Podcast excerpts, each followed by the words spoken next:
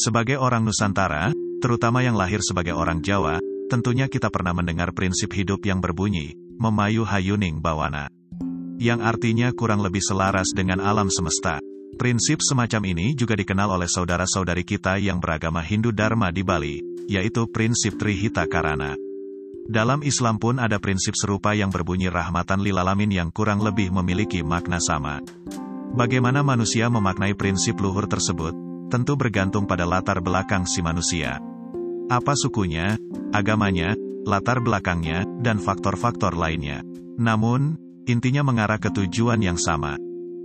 Di sini saya memposisikan diri sebagai seorang okultis, penyihir, dan penekun left hand path atau fama marga atau jalan kiri.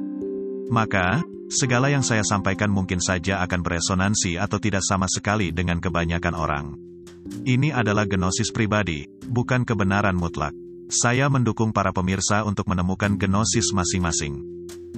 Dalam proses perjalanan saya, saya meyakini bahwa segala yang ada di semesta ini terdiri dari dua prinsip dasar, yaitu energi dan kesadaran. Segala yang bergerak atau tidak bergerak, yang hidup atau yang mati, semua memiliki dua prinsip tersebut. Manusia, makhluk celestial, makhluk infernal, roh-roh, ekstraterestrial, benda-benda alam, semua itu memiliki kesadaran.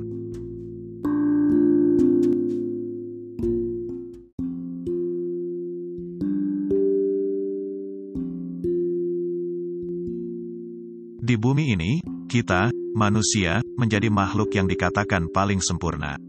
Sempurna di sini bukan merujuk pada desain tubuh fisikal kita, bukan pula kecerdasan melainkan kita telah didaulat sebagai wakil Tuhan di bumi. Jangan menganggap kalau wakil Tuhan artinya kita menjadi penguasa di bumi dan merasa superior daripada makhluk lainnya. Wakil Tuhan maknanya ialah, kita harus bisa menjadi katalisator dan fasilitator dari evolusi dan perkembangan kesadaran universal. Kenapa manusia yang didaulat dengan tugas ini?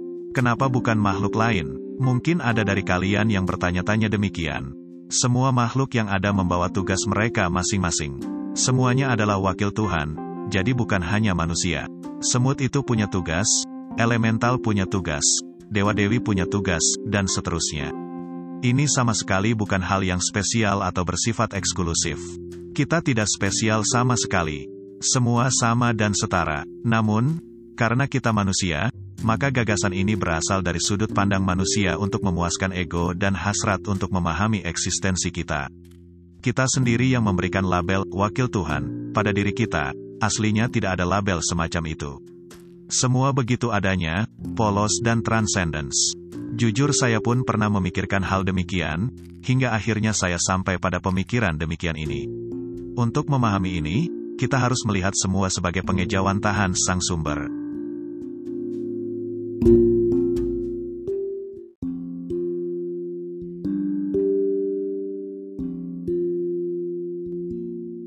Agar lebih mudah dipahami, saya akan langsung ke contoh pengaplikasian prinsip memayu hayuning bawana dengan cara saya. Perlu dicatat, bahwa ini adalah hasil pengalaman pribadi, genosis pribadi. Cukup dijadikan referensi saja, bukan dijadikan pedoman apalagi ditelan mentah-mentah. Kita semua tahu bahwa tubuh material manusia ini tersusun dari prinsip-prinsip elemental, seperti air, api, tanah, udara, dan ruang. Dalam budaya Jawa disebut sedulur papat, dalam budaya Bali disebut kandapat atau panca mahabuta. Prinsip-prinsip tersebut adalah prinsip fundamental, tidak hanya menyusun keberadaan material manusia, tapi juga alam material ini. Semua unsur tersebut bukan hanya unsur material yang terindrakan, sejatinya mereka adalah energi kosmik dan kesadaran yang bersumber dari sang sumber sendiri. Jika dibandingkan dengan kesadaran manusia, kesadaran para elemental ini sangat sederhana dan tidak begitu tinggi.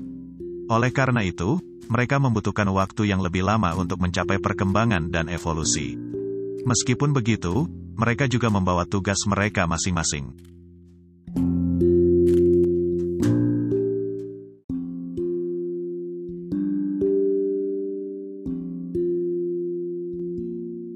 Sekarang coba bayangkan ada sepiring nasi padang di hadapan kalian. Tentunya itu sangat menggugah selera, bukan? Apalagi kalian saat ini sedang lapar. Orang awam akan langsung menyantap makanan tersebut, orang beragama akan berdoa sebelum menyantapnya. Sebagai seorang okultis, tentu kita memahami unsur-unsur esoterik, simbolisme, dan filosofi dalam segala hal. Bahkan, pada hal-hal remeh-temeh sekalipun, seperti makanan ini. Coba sekarang kita amati, ada apa saja dalam piring tersebut. Selayaknya nasi padang pada umumnya, tentu piring itu terdiri dari nasi, rendang, sayur daun singkong, dan lauk pauk lainnya. Sekarang kita kembali ke prinsip awal, bahwa segalanya adalah energi dan kesadaran. Dari situ kita akan melihat bahwa nasi padang super lezat itu bukan hanya makanan, bukan hanya alat pemuas nafsu dan indera-indera kita. Mereka adalah energi dan kesadaran. Untuk orang yang menganut sistem panteisme, mereka akan melihat Tuhan dalam nasi padang. Untuk orang yang menganut animisme, mereka akan melihat roh-roh dalam bulir nasi beserta lauk pauk yang ada.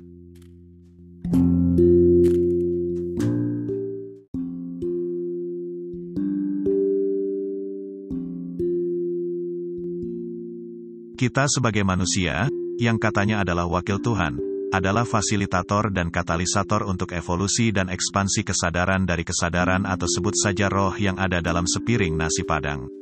Saat menyantap nasi padang tersebut, kita harus menyadari bahwa nasi padang ini bukan hanya makanan, bukan hanya alat untuk memuaskan indera dan ego kita. Kita harus mengenali kesejatian mereka sebagai kesadaran. Bangkitkan mereka dan menyebut kesejatian mereka, lalu ajak mereka untuk bangkit bersama kita dan mencapai evolusi bersama. Begitulah contoh sederhananya pengaplikasian prinsip memayu hayuning bawana dari sudut pandang seorang mageni skala.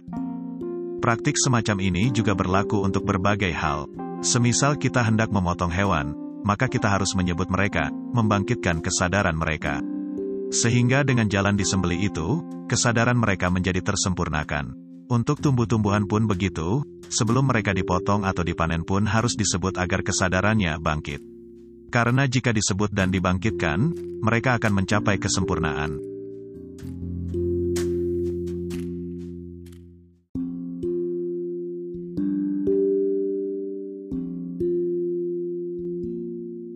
Lalu bagaimana dengan sesama manusia? Jika kasusnya adalah manusia, maka kita perlu mengetahui tentang prinsip kesatuan. Semua adalah satu, berasal dari sang sumber. Interaksi kita dengan orang-orang di sekitar kita adalah interaksi kita dengan diri kita sendiri. Atau yang lebih esensial, itu adalah interaksi sang sumber dengan sang sumber sendiri. Ketika kita hendak memperlakukan seseorang, kita perlu menyadari hal tersebut. Sehingga apa yang kita perbuat kepada orang lain sejatinya adalah perbuatan pada diri kita sendiri. Jika kasusnya berbuat baik tentu tidak terlalu menjadi masalah.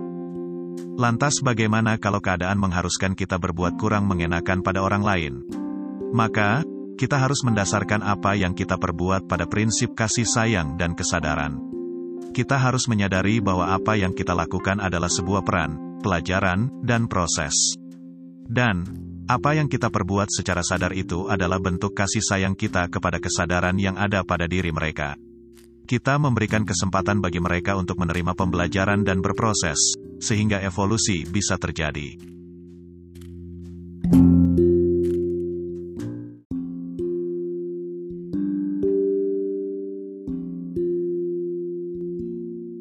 Mohon ditanamkan dalam hati, bahwa ini bukanlah justifikasi untuk berbuat hal yang merugikan sesama secara mental, materi, emosional, ataupun fisikal.